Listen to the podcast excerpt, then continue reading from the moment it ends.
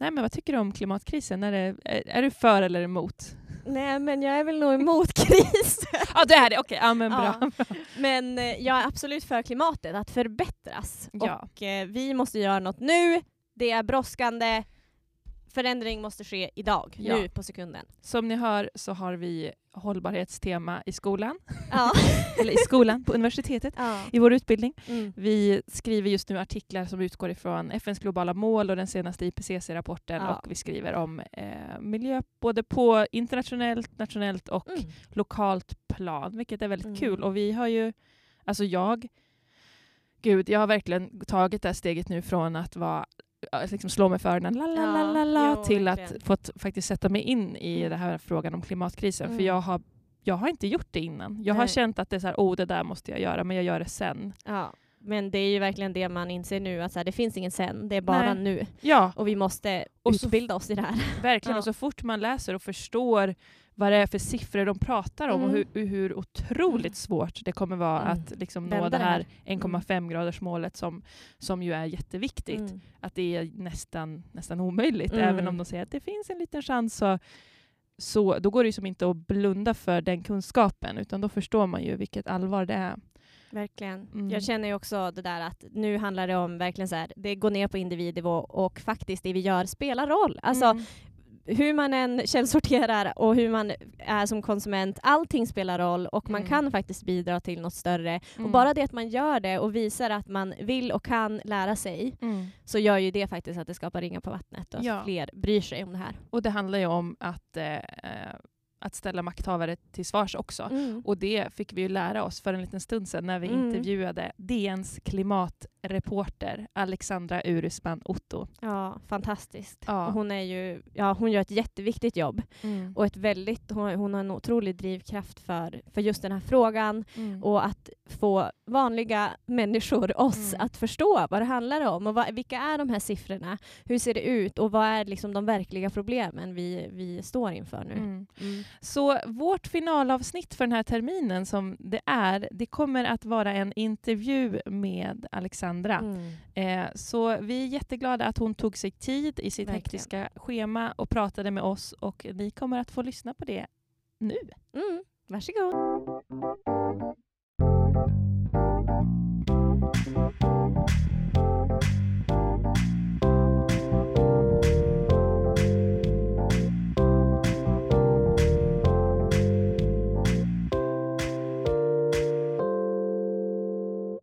Paulina nämnde ju att du hade lite mycket på redaktionen nu, att det är fullt ös. Vad är det du jobbar på idag? Kan du berätta något om det?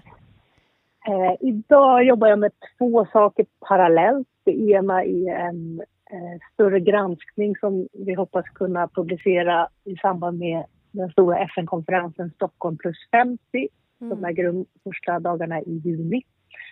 Det. Eh, Mm. och det andra är förberedelse för eh, en politisk utfrågning inför valet som ska ha till klimattema. Åh, gud vad intressant. Vilket av de där tycker du är roligast att jobba på? Ro, roligast är nog kanske att jag tycker att det är så viktigt att vi eh, är ansvarsutkrävande och båda de här två sakerna är ju det Mm. på något vis. Men eh, jag tycker att det är viktigast, ah, båda är viktigast och båda är roligast. Men rent lustdrivet så tycker jag att det är intressant att tänka kring vad som är viktigast. eh, Att fråga de som eh, sitter på maktpositioner Mm. hur de ser på den kris vi befinner. Så jag tycker att ofta så missas det. Och ofta är vi, eh, jag ska inte säga att vi är för snälla, men det är, ibland det är ju väldigt svårt. Det är en komplex eh, sak, liksom hela eh, miljön och klimatet. Det är inte en liten enskild sak som har gått fel här eller där, utan det är ju ett genomgripande samhällsproblem eh, som dessutom är globalt. Mm. Så att, eh, den ansvarsutkrävande biten är svår men, men jätteviktig. Så att Mm. jag väljer väl det om jag måste välja en del. Mm. Just det. Ja, men för vi har faktiskt, vi satt bara nu på morgonen med, vi sitter med en uppgift där vi ska skriva tre artiklar om den senaste IPCC-rapporten och liksom vi har Mm. lyssnat igenom hela den konferensen Eh, och allting. Så vi har ju verkligen djuplodat i det här nu under Mm. mer än en veckas tid och vi ska hålla på med det här en hel månad. Så att vi, vi är Mm. faktiskt väldigt inne i det här ämnet just nu. Så det Mm. känns väldigt relevant att få prata med, med just dig idag. Mm, vad, är, vad är ert intryck av eh, pressträffen då efter eh, IPCC-släppet? Ja, Alltså det, det, det jag tänk, tänkte på när de pratade är att de är så himla glada och stolta och mm. det här är ett bevis på att nu har vi alla möjligheter, vi har allting framför oss, nu ska vi köra. liksom. Alltså det är så, Mm, sånt mm. jäkla go och sen så vet jag inte riktigt vart det där tar vägen sen. Nej, f- nej, precis. Vi har ju också intervjuat, eh, vi har i uppgift då att intervjua minst en, men gärna fler, om det här och just ett lokalt projekt i Umeå. Och då intervjuar jag både någon från kommunen och från universitetet och det man kanske funderar på när man lämnar de här intervjuerna är så här, okej, det är mycket snack, men så här, hur ska vi egentligen göra alla de här förändringarna? Vad, alltså hur Mm. ser arbetet ut? Hur ser arbetet ut i praktiken? Mm. Och att det är mycket, mycket snack men man vet inte hur mycket verkstad det faktiskt blir av allting. Vad är din bild? Nej.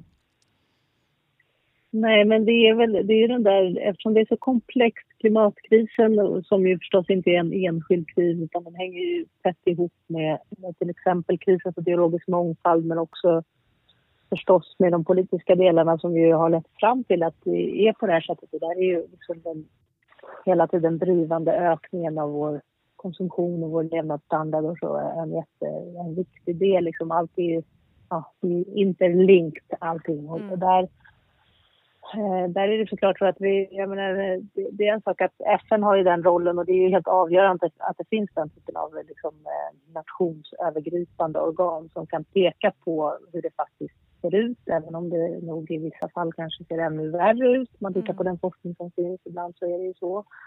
Eh, och som, som sen så kan mer rätt ut. Och det tycker jag är intressant. Man ser på Antonio Guterres, FNs generalsekreterare. Han, han säger ju rätt ut hur, han, hur hans bild av, av Mm. detta är. Han analyserar ju rapporten. Han, han pratar ju om ett, ett krim, en kriminell avsaknad av ledarskap. Det är Mm. där ju han pratar om eh, klimatledarskapet. Mm. Eh, och det eh, är viktigt att ta fasta på tycker jag. Sen är det ju förstås så att vem är det då som har det övergripande ansvaret? Det är det som är Mm. det här är ju en kris man måste lyfta blicken högt upp för att kunna se hur, hur man ska liksom kunna göra förändringar. För det är en sak att göra små förändringar på marginalen. Mm. Eh, Det är oftast de som diskuteras i till exempel den svenska politiken. Så är det fler laddstolpar, elektrifiering här och Mm. nya industrier där. Och det, är klart att det på ett sätt är stora saker men i sammanhanget är det ju små saker. Alltså det som krävs det är ju genomgripande strukturella förändringar. Mm. Och de finns det inte en, en ansvarig person för, utan det enda sättet i, min bild i alla fall för att man ska kunna komma vidare det är att börja prata om att det är så här. Ja. Alltså att det inte, att det inte är de små pyttesakerna som är Givetvis måste allting ske, men, men det som framför allt måste ske är att vi pratar om hur det ligger till, hur, var vi befinner oss och stannar upp och försöker hitta lösningar som, som blir genomgripande, som, som förändrar mer på djupet. För att annars så, så dustar man på marginalen i någonting som är så... Ja, felet kommer ju av hur vi, hur vi gemensamt lever. Mm. Tyvärr är det så. Vi kommer vara tvungna att ändra på det sättet vi lever. Mm. Vad tror du är liksom den stora grejen? Du pratar om ansvarsutkrävande också, att liksom ställa makthavarna till svars. Varför agerar man inte mer? Är det för av okunskap eller är det andra saker som står i vägen? Jag tror att det är flera saker. Eh, Okunskapen upplever jag finns genomgående i samhället och det, jag menar, om vi ska prata lite om liksom på, på individuellt plan. Jag kunde ju ingenting om det här för bara några år sedan och då menar jag absolut ingenting. Mm. Eh, Jag var kriminalreporter och eh, tyckte att det bästa som fanns var att läsa liksom, förundersökningsprotokoll med spännande, lite snaskiga detaljer. Mm. det, var, liksom, det var mitt liv och Mm. Det, som drev mig i mitt yrkesliv också. Så där. Och det har jag fullständigt tappat intresset för, för det är så i sammanhanget litet. Eh, Mm. Det finns ju väldigt viktiga saker där också förstås, men, men i jämförelse med, med den här eh, med detta så är det liksom, eh, ja, det, det går liksom inte ens att ställa intill varandra. Så att, eh, kunskap eh, går ju att skaffa sig, så kan man väl säga. Det är väl liksom det det jag tänker. Men, men det är fortfarande en, en enorm kunskapsbrist. Som sagt, jag vet precis hur det är att inte kunna något om det här, för det var alldeles nyss som det var så. Eh, men, men jag, jag, jag möter det, mycket jobb också på liksom, politisk eh, nivå, ja. politisk nivå. Eh. Men så det är en, absolut en grundläggande fråga att, att vi behöver lära oss mer. Men det är som en, på något sätt ett självspelande piano där kunskapsbristen men också då det faktum att kunskapsbristen är stor och förståelsen för den enorma krisen vi befinner oss i är så låg också hos allmänheten. Och det är ju delvis mitt fel och mina kollegors fel eh, att vi inte har förmedlat det här under, under så lång tid på ett liksom, rättvisande sätt. Eh, och, så det blir som en ond cirkel kan man säga där mm. eftersom man inte eh, på liksom, grundläggande nivå kanske kan förstå och ta till sig vidden av den här krisen. Mm. Då kommer man inte heller att stödja politiska förslag som faktiskt tar hänsyn till vidden av krisen och innebär kanske inskränkningar i hur vi lever idag eller förändringar i hur vi lever idag eh, på riktigt. Eh, och, och, så går det runt så där. Så frågan är egentligen, tror jag, kärn, för mig eh, är kärnan vems jobb är det att säga som det är? Eh, och, och eh, vem gör det? Och just nu är det väldigt få, skulle jag säga, som, som gör det. Det, det blir som en slags eh, parallellsamhälle där, eh, där vi håller på håller på med allt det vanliga fast ingenting egentligen är som vanligt. Nej, men jag tänker där är väl ändå du i, i, i första ledet. Jag tänker du är ju en av dem i Sverige som verkligen pratar om det här och eh, försöker visa på så här ser det ut, vi måste göra någonting nu. Och, och det ska, bara det ska du ha en eloge för. Hur hamnar du där du är nu? Jag tänker om du börjar som kriminalreporter och sen blev det ändå att du, du är på DN nu och skriver ja, men, artiklar nästan bara om mm. klimatet. Ja, men det är, jag har gjort ett par olika liksom, vändningar i mitt, mitt yrkesliv. Jag började som, jag skulle bli jurist var det tänkt eh, och jag tyckte att det var, verkade jättespännande att bli brottmålsadvokat så jag bestämde mig för att jag skulle eh, satsa på det. Väldigt tidigt, redan i tonåren, så började jag hålla på med det och nördade in mig på, gick på rättegångar och höll på. Så, eh, supernörd var jag. Och sen eh, blev jag jurist, så jag gick, jag var ganska målmedveten i det. Och sen när jag hade, var färdig med det och hade pluggat i nästan sex år så kom jag på att det kanske inte, kanske inte var precis så kul som jag hade tänkt. Så då, eh, ja, efter lite tid när jag jobbade med lite annat så eh, skolade jag om mig och läste journalistik. Eh, precis som båda mina föräldrar så blev jag sen journalist. Eh, gick lite en omväg till det som jag kanske hade anat egentligen hela tiden att jag borde ha gjort. Eh, och sen så var, blev det ju då naturligt att ägna sig åt kriminaljournalistik eftersom jag hade eh, juridiken och intresset i botten. Men sen så, eh, det som hände då, som tog mig därifrån, det var en eh, så att jag, jag skrev, gjorde ett reportage, eh, eller en intervju med Greta Thunberg när hon var alldeles ny. Innan hon hade så slagit igenom, eller vad man ska säga, eh, fullt ut under den första hösten där. Så eh, fick jag i uppdrag att göra en lite större intervju med henne i lördagsmagasinet på Dagens Nyheter. En sån där eh, long read, eller vad man kallar det för. Eh, och det var kul och i samband med det så eh, insåg jag, både jag och eh, fotografen Roger Turesson som är väldigt erfaren och skicklig fotograf som jag gjorde det här tillsammans med. Vi, vi, vi anade att det här kanske ändå skulle kunna vara någonting att, att hålla i, att, att fortsätta följa henne även om hon inte var... Eh, det var inget stort som hade hänt då, men det, det var någonting speciellt tyckte vi. Vad var det då som ni såg? Ja, men det, det fanns något i, i hennes eh, sätt att tala som var annorlunda. I hennes mm. liksom, sätt också att mm. få igenom det hon sa. Det var ju många som lyssnade. Liksom. Det hade ju märkts redan mm. tid. Jag minns att vi, vi stod på Mynttorget någon av de sista fredagarna innan vi skulle publicera reportaget. Och så, så sa jag till Roger, Roger, tänk om det någon gång kommer vara fullt med folk här på Mynttorget. Vilken häftig grej det skulle vara. Eh, wow. Så det var fortfarande väldigt tidigt då. Och, och eftersom vi höll i och fortsatte följa henne så där, då, då upplevde jag efter ett tag att det, att det började i ärlighetens namn bli ganska eh, pinsamt när vi eh, gjorde intervjuer för att jag märkte att jag, jag kunde ju ingenting om det vi pratade om. Jag hade gjort en sån här grundresearch, jag hade läst liksom, det man verkligen behövde läsa för att kunna, att kunna liksom, göra de här personporträtten som ju var det mer som jag gjorde på henne då. Mm. Men, men jag märkte ju på henne att hon märkte att jag inte kunde något och det kändes ganska obekvämt. Så jag, jag, kände, jag fick börja läsa lite grann. Eh, och sen var jag också tvungen förstås att kolla det hon sa, för hon uttalade sig ju om liksom, så att, om man mm. frågar om man säger. Jag var tvungen att kolla så att det stämde innan jag publicerade någonting. Och allting stämde och det hon sa var ju inga små saker. Det var ju ganska, ganska liksom radikala saker men allt, allt hade sin botten i forskningen i sig. Och då insåg jag att det var nog något att läsa vidare. Och så, så att jag, jag, ja, helt enkelt så började jag läsa och jag läste så mycket att jag helt slutade intressera mig för att läsa något annat. Mm, just det, du varit eh. helt uppslukad av det. Ja, det, det visade sig ju liksom eh, vara var någonting som påverkade allting annat i mitt mm. liv och som borde påverka oss alla på djupet. Mm. Men det var som en helt oberättad, genomgripande story vilket hade, som knappt någon hade touchat, vilket kändes absurt på många sätt.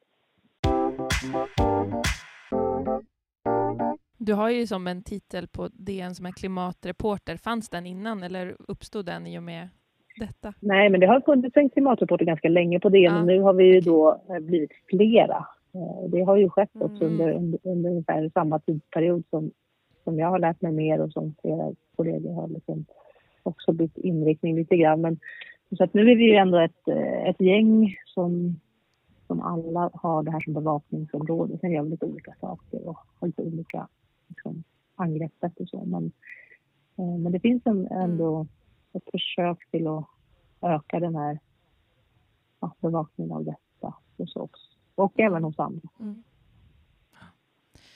Men du, eh, vi, ska ju, vi pluggar ju för att bli journalister mm. och eh, jag funderar på, du som är proffsjournalist, vad är den största utmaningen om man tänker liksom med att vara journalist eller med, i ditt jobb idag? Vad är, vad är den största utmaningen som journalist? Oj, vilken stor fråga. Eh, jag kan nog bara ta lite från den rollen jag har, alltså den, mm. den eh, journalistroll som handlar om att försöka skildra eh, den liksom, tid vi lever i och den kris vi lever i. För det, det är viktigt att liksom påpeka det hela tiden tycker jag. Och, och det upplever jag just är det som vi var inne på innan, alltså att det här är ju en eh, vi befinner oss ju mitt i, och det är de flesta överens om, mänsklighetens största kris någonsin. Med, med klimat, och miljö som är, det handlar ju om vår, som förutsättningarna för oss som människor och förstås andra djur och växter. Men om vi bara utgår från oss, det handlar om vår, vår möjlighet att leva på jorden framöver. Mm. Och för många människor handlar det om att redan nu leva på jorden. Det är ju en en kris som slår väldigt olika i olika delar av världen. Det här.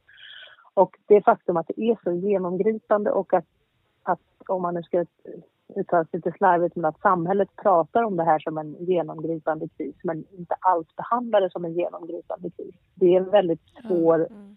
Mm eh, liksom kors... Det är en svår plats att befinna sig på som journalist för att man framstår ibland lite som en dåre upplever jag. Eh, eftersom jag, jag upplever att det är min plikt att berätta var vi befinner oss men eftersom stora delar av samhället eh, låtsas som att vi inte befinner oss där så, eh, så är det väldigt utmanande att hela tiden hålla i det för att man, man är liksom inte den lugna, stillsamma Eh, personer som skriver lite nyanserat. Även om jag upplever att det är det jag gör. Eh, eller jag, jag vet ju att det är det jag gör. Men i relation till mycket annat så framstår det ju nästan som att jag skulle vara radikal när jag bara citerar FNs klimatpanel eh, och FNs generalsekreterare eller vad det nu kan vara för andra liksom, forskare som till exempel beskriver verkligheten precis mm. så som deras forskning visar att den, att den är. Och så. Det är så svårt för det är så abstrakt för människor liksom med framtiden mm. och sånt. Alltså, det är så svårt att tänka på framtiden och när man inte ser döda kroppar framför sig är det så svårt mm. att förstå. Vad det innebär ja. med den sanning som du försöker förmedla. Att det, det är säkert jättesvårt för många att ta in. Att mm. det är mm. också att det är en verklighet som mm. vi befinner oss i nu redan. Precis, ja. och det där, det där är ju det som är som är intressant som jag tror också att det är något som har kommit ändå relativt nyligen att, att det är så att forskningssambanden nu är så glasklara även till att saker som händer idag är direkt, mm. direkta effekter av klimatförändringar. Även om man förstås har mm. varit ganska övertygad om det tidigare så finns det nu också liksom tydlig evidens i forskningen på att till exempel vissa, eller de allra flesta extremväder eh, ökar i sannolikhet och ofta i intensitet på grund av klimatförändringarna.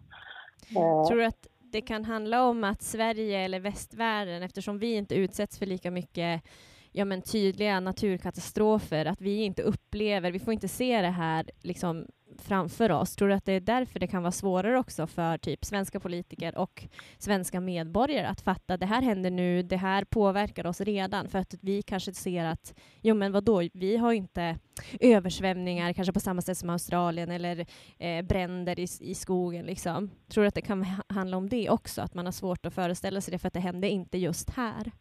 Mm, det spelar ju in. Sen händer det ju mm. även här. Vi såg ju mm. översvämningar i Gävle här om året och vi har ju haft mm. skogsbränder som alldeles tydligt är an, anknutna till detta. Även liksom, eh, hetta som, som, har, som också, jag menar, det orsakar också död i Sverige. Det, det vet ja. vi. Och luftföroreningar, ja. för inte tala om dem, det har ju varit under lång tid ett svårt problem. Även om vi Mm. Om man jämför med de, de flesta andra länder har ren och fin luft här så, så är den ju påverkad i hög grad av, av mm. det, vi, det vi gör med den, så att säga. Eh, och, och, och, det är också viktigt förstås att komma ihåg att det inte bara är direkta effekter av klimatförändringarna som, som påverkar och kommer att påverka oss, utan också eh, det som händer i, i omvärlden är ju, kommer dramatiskt öka. Så det, bara, bara det faktum att människor förstås lämnar sina hem i mycket högre utsträckning när det blir för varmt och när det blir för lite mat och när det blir för lite vatten. Det vet vi att det redan sker. I Syrienkriget var det torkan till exempel en, en bidragande faktor och den, den hade ju kopplingar till klimatförändringarna. Så det finns ju redan tidigt. Det som det tror jag gör det så abstrakt är ju att det ofta är så att klimatkrisen är en, en del av, ett, liksom, av någonting som som sker med oss. Alltså, det är inte bara klimatförändringarna som gör att X händer utan det är också det och det och det vilket gör att man liksom aldrig, det, det är ganska sällan som det tillskrivs liksom fullt ut. Och då, om man vill fjärma sig från, från någonting eh, som är besvärligt att ta i då är det klart att man kommer att liksom greppa efter de halmstråna. Men, men, men visst, är, visst är det så. Men jag vill bara lyfta när vi ändå pratar om det här med orättvisan i den här krisen att, att vi är drabbade i, i lägre grad och att vi kommer drabbas senare av mycket jämfört med många andra. Så det är ju viktigt att komma ihåg också att, mm. att vi inte bara drabbas liksom, i lägre grad och att andra, andra drabbas mycket, mycket svårare. Att, att, att människor framförallt på södra halvklotet drabbas mycket mer. Utan också att de som är skyldiga till krisen, för så är det ju faktiskt, vare sig det har varit medvetet eller inte och i många fall har det varit medvetet, det ska man vara väldigt klar över. Eh, så, det, är ju, det är ju rika länder. Där ligger vi, finns vi med på listan även om vi är ett litet land. Men per capita har vi stora utsläpp. Det är i vår del av världen som det är vi som har skapat den här krisen eh, primärt. Den, den historiskt största utsläpparen är USA. Det finns flera europeiska länder med på mm. den listan och det är absoluta tal. Och sen som sagt, man börjar titta på liksom konsumtion och på eh, individuella avtryck och så, så så finns förstås vi också med som en, en, en liksom viktig bidragande part. Och där, den, den rättvisan, eh, för mig har det varit jätteviktigt, den insikten, för den hade jag inte alls.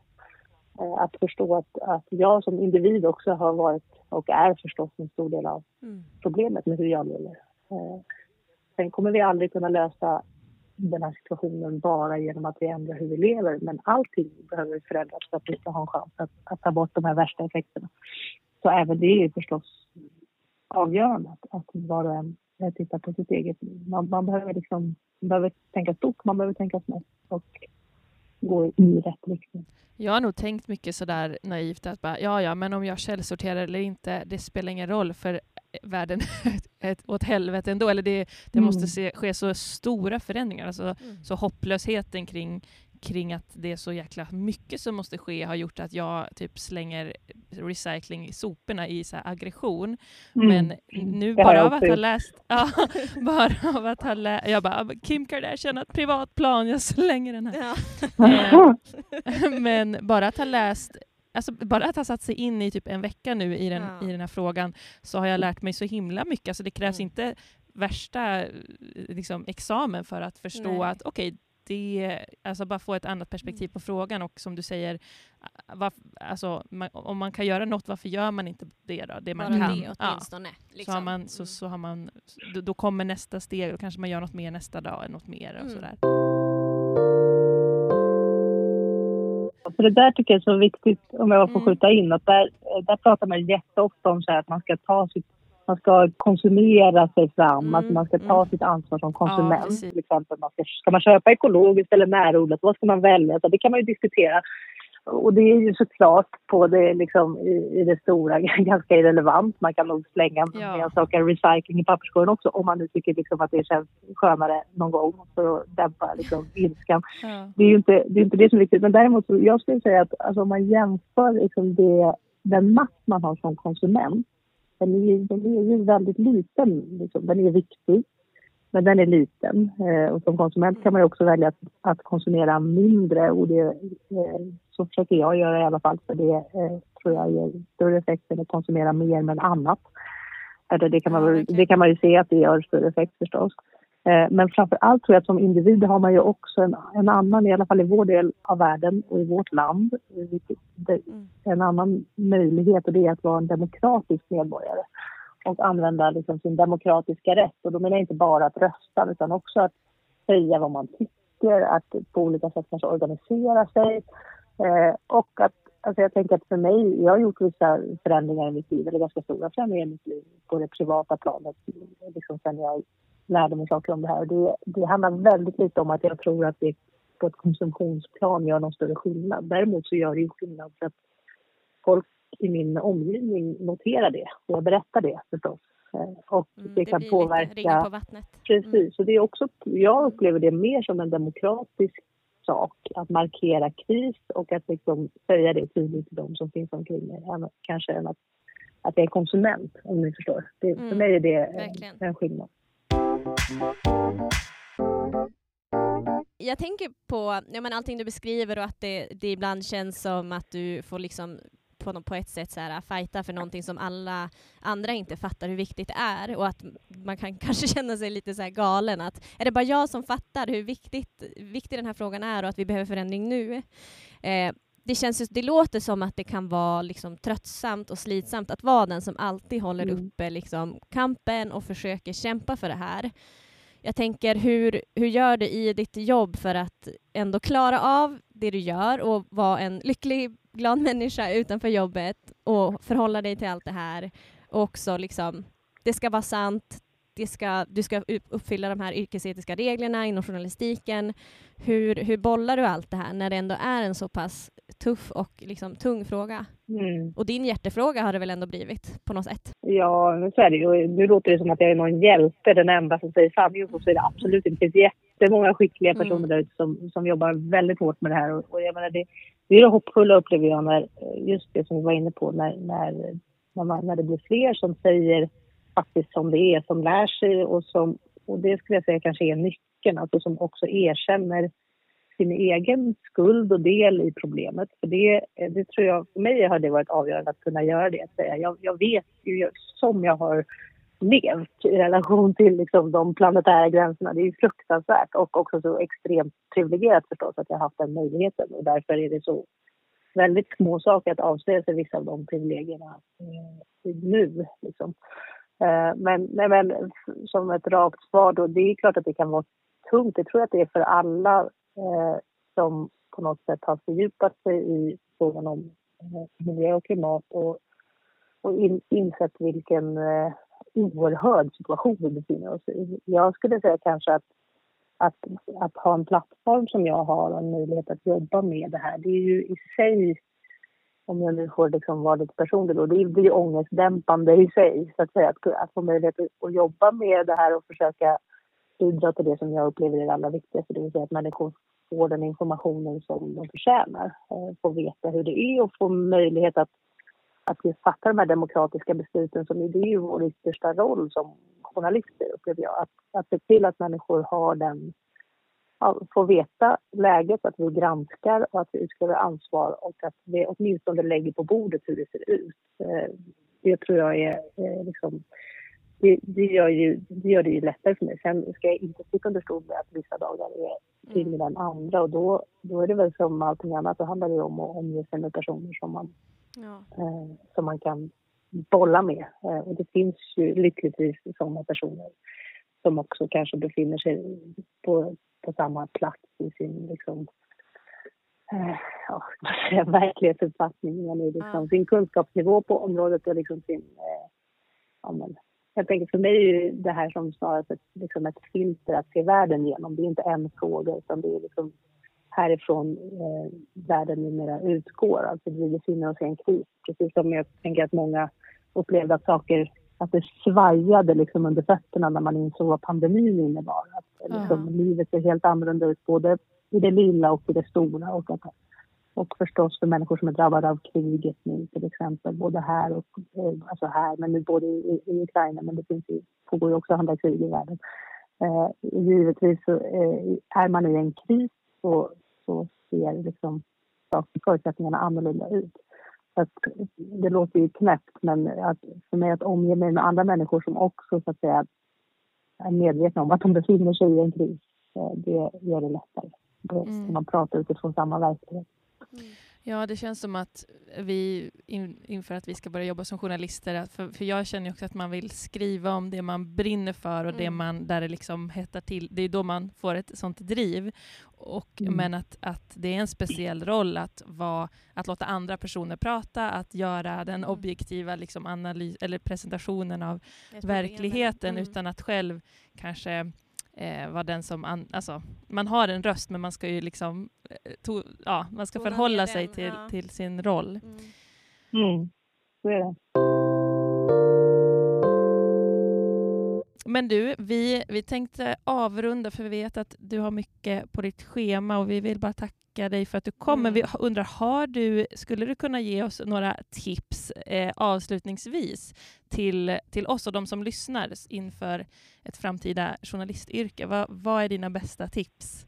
Det blir ganska generellt, men... Ja, men alltså jag skulle nog säga att, ja, men som ni är inne på, givetvis måste man få vara lustdriven så att det blir ofta väldigt bra. Jag mm. hoppas äh, att, äh, att man också som liksom, nybliven journalist vågar och orkar inordna sig i den här nya verkligheten som vi faktiskt befinner oss i och alltså inse att även om man som jag äh, tycker att krim är det roligaste som finns så kan också något annat bli det roligaste som finns, även om det inte låter som att jag tycker att det här är kul, men det tycker jag ju förstås. Eh, för att det är så, eh, det är så himla, himla, himla viktigt. Det finns liksom, det, jag vågar nästan säga att det objektivt inte finns något som är så här viktigt. Eh, vilket gör att eh, när man väl lär sig det, då kommer man att vilja jobba med det. Jag är nästan mm. säker på det. Men det är ett, ett arbete förstås att lära sig.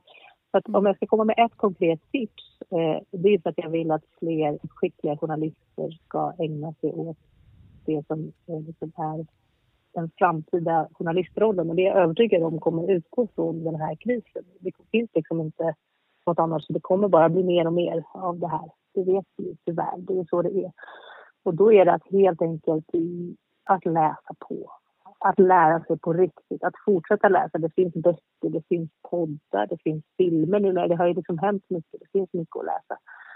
Eh, och, och förstås att byta, att byta omvärldsbevakning, alltså att, att skifta sitt mm. Twitterflöde, för att följa lite klimatforskare, lite klimatjournalister, kanske lite aktivister mm. för att få, få nya länktips och, och sådär. Det görs ju mycket nu och det blir bara mer och mer. Så det skulle jag säga, eh, skaffa sig en gedigen kunskapsbas, eh, gärna inom det här området då, och sen eh, med den kunskapsbasen så kommer liksom, det finns nämligen så fruktansvärt mycket journalistik att göra där på det här området. Det är ju helt, eh, det är bara öppet fält. Det är bara att börja plocka. Så fort man kan frågan så, så ser man det. Men man måste lära sig. Det finns ingen riktig genväg till det utan man måste lära sig först.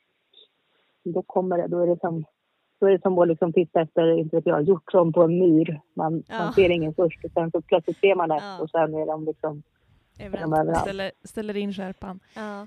Ja, men Ja. Fantastiska tips, för vi, vi Tack. är ju också en, en bit på vägen nu med att vi har satt Mm. oss in i det här. Vi har båda valt hållbarhet faktiskt som vårt så här, tillval för vår journalistiska Ja. utbildning, så det kommer vi göra. Mm. Eh, så det känns jättebra och kul. Mm. Eh, Och men- som du ja. säger också att det här blir ett par glasögon, ett Mm. filter att titta på världen genom. Mm. Det, Mm. eh, om man ska liksom prata om skolan och hälsa eller vad som helst Ja. så, så finns det det här. Det här är eh, utgångspunkten, eller perspektivet. Liksom. Ja.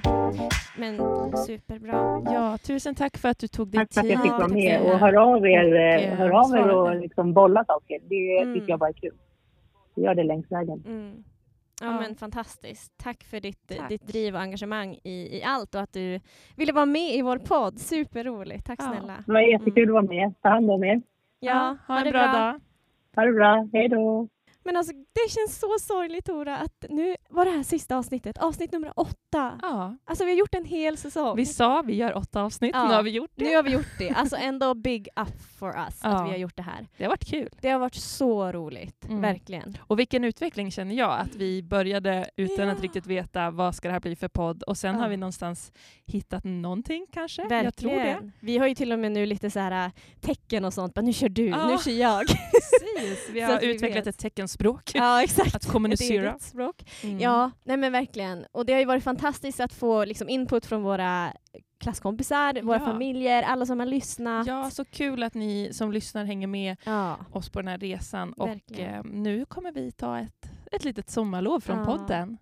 Vi Mm. hoppas på att eh, köra kanske en till säsong i höst Ja. om allting går som det ska. Det lär det ju bli. Men det var så fruktansvärt roligt så det känns som att vi kommer, Mm. kommer göra mer. Ja, Mm. vi säger så tycker jag. Det känns som Ja. att det här är liksom säsongsavslutning, skolavslutning. Ja. Så ses vi igen i höst, eller vi hörs. Mm. Och ni kan ju hänga med oss på Instagram om ni inte gör det, så ni inte missar när hösten drar igång. Exakt. Och det är ju Vi leker journalister med mig Paulina Serlin. Och med mig, Tora Larsson! Ha en fin sommar! Hej då!